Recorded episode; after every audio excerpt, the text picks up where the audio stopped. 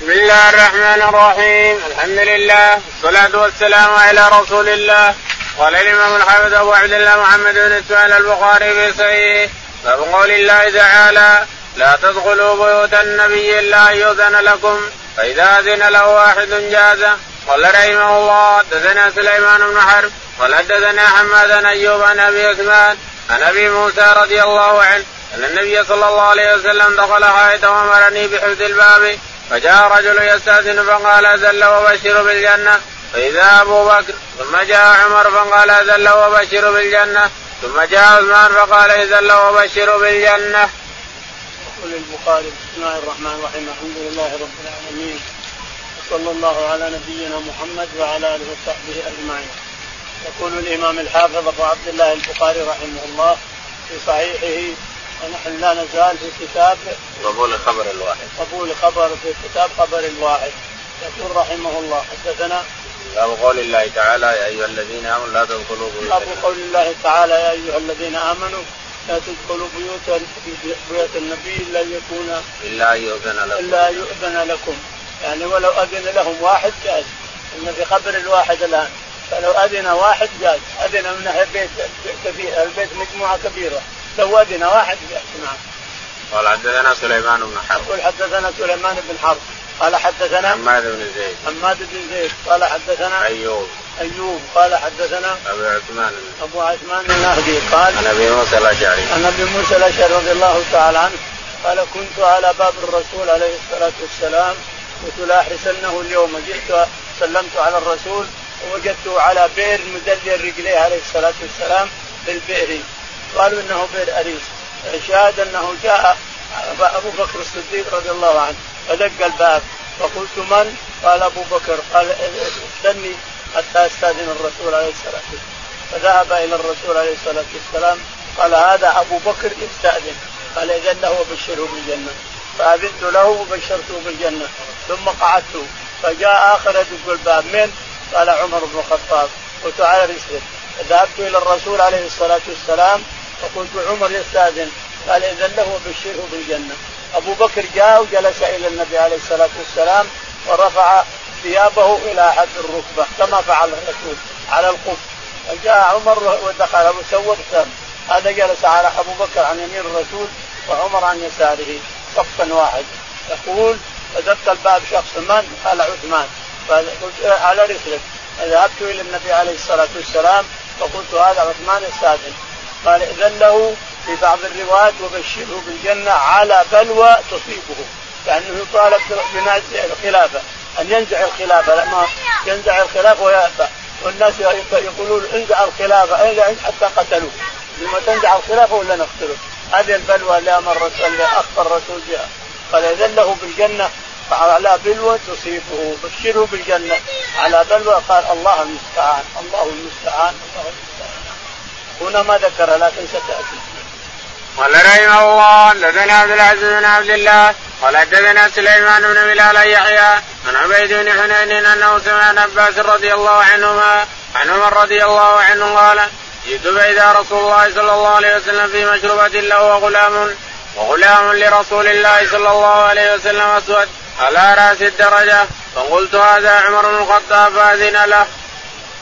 يقول البخاري رحمه الله حدثنا عبد العزيز. عبد العزيز قال حدثنا سليمان. سليمان قال حدثنا يحيى يحيى قال حدثنا عبيد بن حنين. عبيد بن حنين قال عن ابن عباس عن عمر. عن ابن عباس رضي الله عنهما عن عمر بن الخطاب أن عمر رضي الله عنه لما هاجر الرسول عليه الصلاة والسلام أزواجه وطلع في المشربة جلس في مشربه وحده وحلف الا ينزل إلا بعد شهر.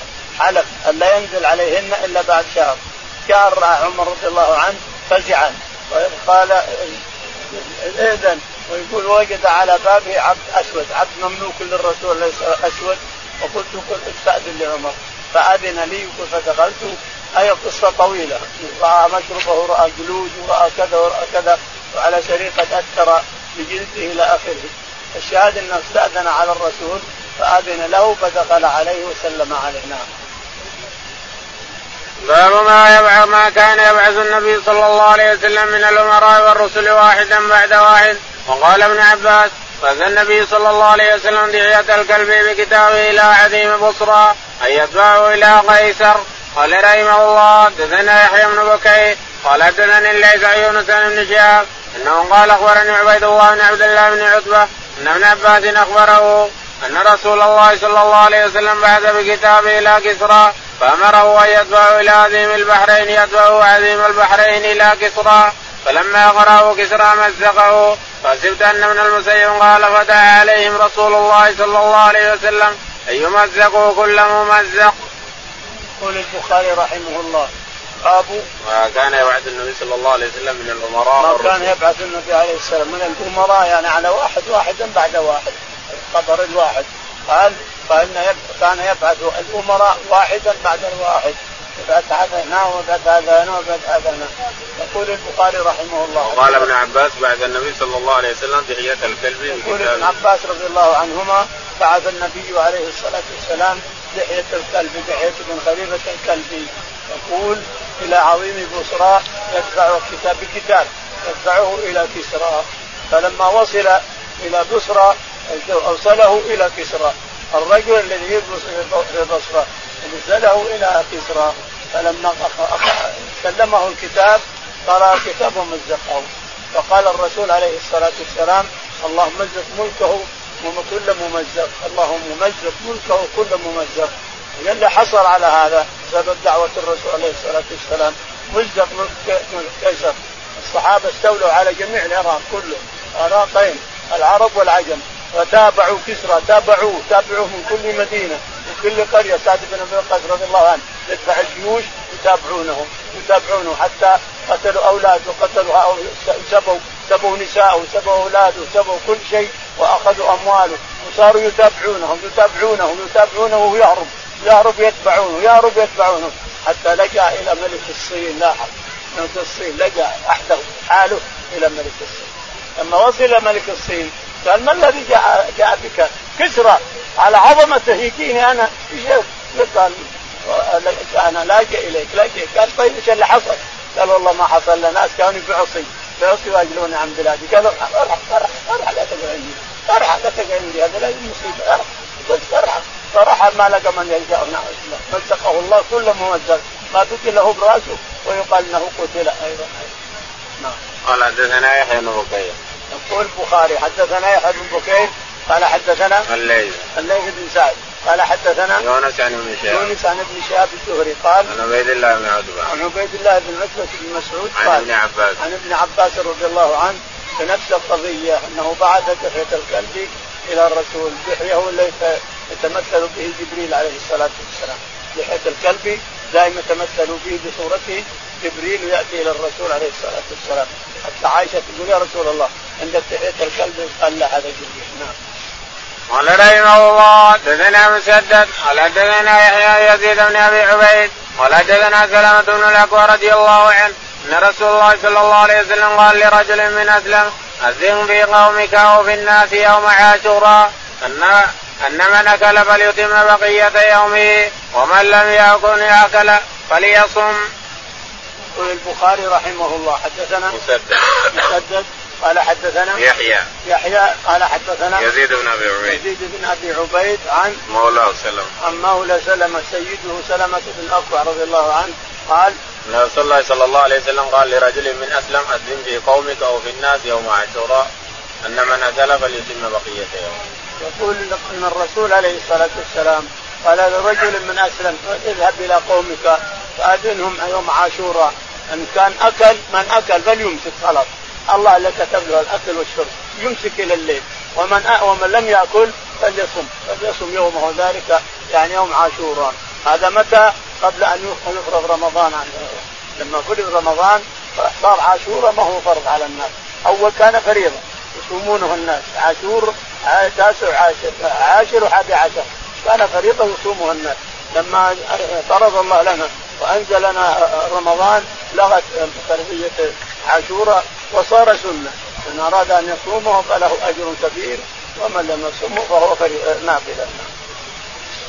باب وصايا النبي صلى الله عليه وسلم وفود العرب أن يبلغوا من وراءهم قاله مالك بن الحويرث قال حدثنا علي بن الجعد قال أخبرنا شعبة قال حدثني إسحاق قال أخبرنا النضر قال أخبرنا شعبان أبي جمرة أنه قال كان ابن عباس رضي الله عنهما يقعدني على سريره. فقال إن وفد عبد القيس لما أتوا رسول الله صلى الله عليه وسلم قال من الوفد؟ قالوا ربيعة. قال مرحبا بالوفد أو القوم. غير خزايا ولا نداما. قالوا يا رسول الله إن بيننا وبينك كفار مضر. فمرنا بأمر ندخل به الجنة ونخبر به من وراءنا. فسألوا عن الأشربة فنهوا عن أربع وأمرهم بأربع. أمرهم بالإيمان بالله. قال هل تدرون ما الإيمان بالله؟ قالوا الله ورسوله أعلم. قال شهادة أن لا إله إلا الله وحده لا شريك له وأن محمدا وأن محمدا رسول الله. وإقام الصلاة وإيتاء الزكاة وظن به صيام رمضان. وتؤتوا من المغانم الخمس ونهوا من الدباء والحنتم والمسبة والنقير. وربما قال المغير قال احفظوهن وأبلغوهن من وراءكم. يقول البخاري رحمه الله باب وصف النبي صلى الله عليه وسلم الوفود. باب استقبال الرسول للوفود عليه الصلاة والسلام. قال حدثنا علي بن الجعد. علي بن الجعد. قال حدثنا شعبة. شعبة. ثم حول السند. ثم حول فقال حدثنا إسحاق. حدثنا إسحاق. قال حدثنا النضر بن شميل. النضر بن شميل. قال عن شعبة. عن شعبة قال عن أبي جمرة عن ابن عباس عن أبي جمرة نصر بن عمران عن ابن عباس رضي الله عنهما قال يقول نصر بن عمران كان ابن عباس يقعدني على سريره نصر بن عمران كان يقعده ابن عباس على سريره معه على السرير لحبه له لأنه حفظ كثيرا من الأحاديث والسنة نعم. فقال إن وفد عبد القيس لما أتوا رسول الله صلى الله عليه وسلم قال من الوفد؟ قالوا ربيعة. قال إن وفد عبد القيس لو كثير وفد عبد القيس جاءوا من من الجنوب فجاءوا إلى الرسول عليه الصلاة والسلام وقالوا يا رسول قال من الوفد؟ قال ربيعة ربيعه ومضر أخوان. مضر وربيعه أخوان ومع هذا يتقاتلون. اجمالا من ربيعه يا رسول الله إننا ناتيك في الشهر الحرام. لو لو الشهر الحرام ما ما قد نصل إليك من مضر. اخوانهم مضر. مضر في بني تميم ومن حولهم. يمنعونهم من الدخول على الرسول عليه الصلاة والسلام. فإننا ناتيك من الشهر الحرام. فاخبرنا بخبر نأتي نفهمه نحن ونخبر به من وراءنا. فقال أخبركم بأربع أنا أمركم بأربع وانهاكم عن أربع. أمركم بالإيمان. أتدرون ما الإيمان؟ قالوا الله ورسوله أعلم. قال الإيمان أن تؤمنوا بالله وملائكته وكتبه أن تشهدوا أن لا إله إلا الله وأن محمد رسول الله هذا واحد. وتؤدوا الزكاة وتصوموا رمضان ولا ذكر الحج. الحج ما ذكر إلى الصيام. من مثل حجة السنة ما فرض إلى الآن. الشاهد أنه ذكر شهادة لا إله إلا الله وأن محمد رسول هذا واحد. إقام الصلاة اثنين وإنتاج الزكاة ثلاثة وصوم رمضان انتهى إلى هنا. الحج ما ذكر ما ذكر في الحديث ربما إنه ما في السنة إلى آخره. وانهاكم عن أربع عن الدبة. والحنتم الدبة هذا اللي له له جفر جفر جفر له لب. إذا شلت اللب الانسان صار جفرة. فيحبه الدقيق والحب وغيرها. انهاكم عن أربعة عن الدبة والحندم الحندم مثله والنقير يعني ياخذون شيء من الشجرة النخلة ويحفلونه يحفلونه يحفلونه يصير نقير ثم يحطون في بلح وتمر ويخلونه يتخمر في هذا النقير. والنقير والحنتم والدبة والمزفت قيل إن المزفت هو المزفت داخله. والمقير قيل مقير يقير وقيل نقير. انسان مقير هو اللي جعل نقير على قار على على بطنه في بطنه. تولي بقار علشان ما ما ما يعفن ولا يروى. وكذلك المزفت جعل زفت في بطنه لأجل أن لا يعفن ولا يروى. لكن هذه الأربعة التالية الأخيرة نسخت نسخ. قال إن الله إن هذا لغى كله واشربوا اشربوا كل شيء إلا حرام. اشربوا كل شيء. وبكل اناء الا إلا مسكر المسكر حرام. لا ولا تشربوا مسكرات اشربوا كل شيء. وبكل اناء ولا تشربوا مسكرات القاعدة لا تشرب مسكر سواء بإناء من الالوان هذه أو بطاسه أو بزبديه أو أي شيء. الشاهد لا تشرب مسكر واشربوا بكل الأول قال وتؤتوا من المغانم الخمس وتؤتوا يعني تابع للأركان. وتؤتوا من المغانم الخمس إذا قتلت قاتلت الكفار وغنمتم الخمس من اموال أو مال المسلمين أو للسلطان قال احفظوهن وابلغوا ما وراءهن. قال الرسول عليه الصلاة والسلام احفظوهن هذه الاربع وبلغوا بها من فيها من ورائكم. باب خبر المرأة الواحدة. قال رحمه الله دثنا محمد بن الوليد. قال دثنا محمد بن جعفر. قال دثنا شعبة عن توبة العنبري قال لي الشعبي أرأيت حديث الحسن النبي صلى الله عليه وسلم؟ وقعدت ابن عمر قريبا من سنتين أو سنة ونصف فلم أسمعه يحدث عن النبي صلى الله عليه وسلم غير هذا. قال كان ناس من أصحاب النبي صلى الله عليه وسلم فيهم سعد فذهبوا يأكلون من لحم فذهبوا يأكلون من لحم فنادتهم امرأة من بعد أزواج النبي صلى الله عليه وسلم إنه لحم ضب فامسكوا. وقال رسول الله صلى الله عليه وسلم كلوا أو ادعموا فإنه حلال. أو قال لا بأس به شك فيه ولكنه ليس من طعامي. يقول البخاري رحمه الله باب خبر واحد ولو أنثى ولو امرأة واحدة تقبل خبرها الإنسان. سواء بهلال رمضان دخول رمضان يقبل خبرها وأما خروجه لا ما يقبل إلا رجلين اثنين. يعني بصيرين عالمين مؤمنين إلى آخره. يقول البخاري حدثنا محمد بن الوليد. محمد بن الوليد قال حدثنا محمد بن جعفر. محمد بن جعفر قال حدثنا شعبة. حدثنا شعبة قال عن توبة العنبري. عن توبة العنبري قال قال لي الشعبي أرأيت حديث الحسن عن النبي صلى الله عليه وسلم؟ قال لي الشعبي أرأيت الحديث الحسن عن النبي عليه الصلاة والسلام؟ نعم. وقعدت ابن عمر قريبا من سنتين أو سنة ونصف فلم اسمعه يحدث عن النبي صلى الله عليه وسلم. جالست ابن عمر سنتين أو ثلاث فلم اسمعه يحدث إلا هذا الحديث حديث المرأة حديث المرأة. والمرأة هي هنيدة. هنيدة أخت لبابة الكبرى ولبابة الصور، لبابة الكبرى أم بن عباس ولبابة الصور أم خالد بن الوليد.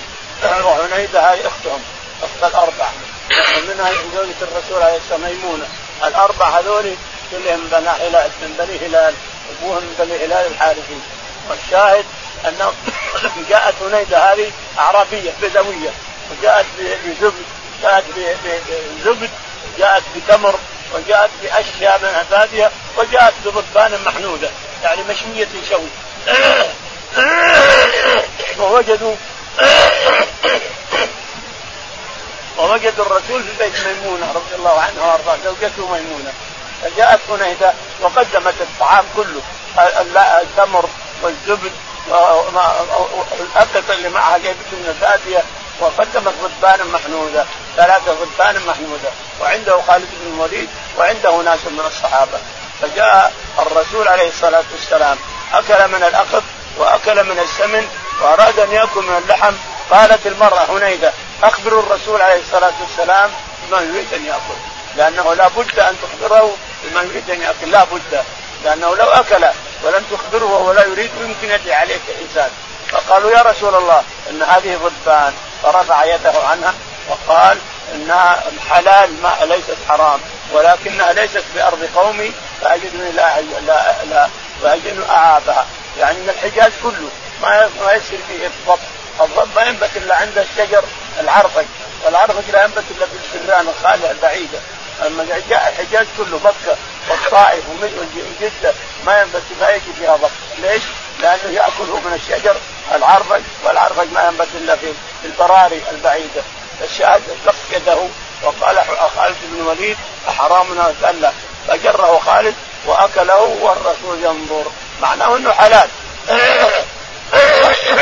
بس كون الرسول امتنع منه هذا شيء آخر خاص به عليه الصلاة والسلام. لكن الضبط حلال. كونك تطبخ أو تشوي كل واحد. الضبط حلال تأكله الإنسان.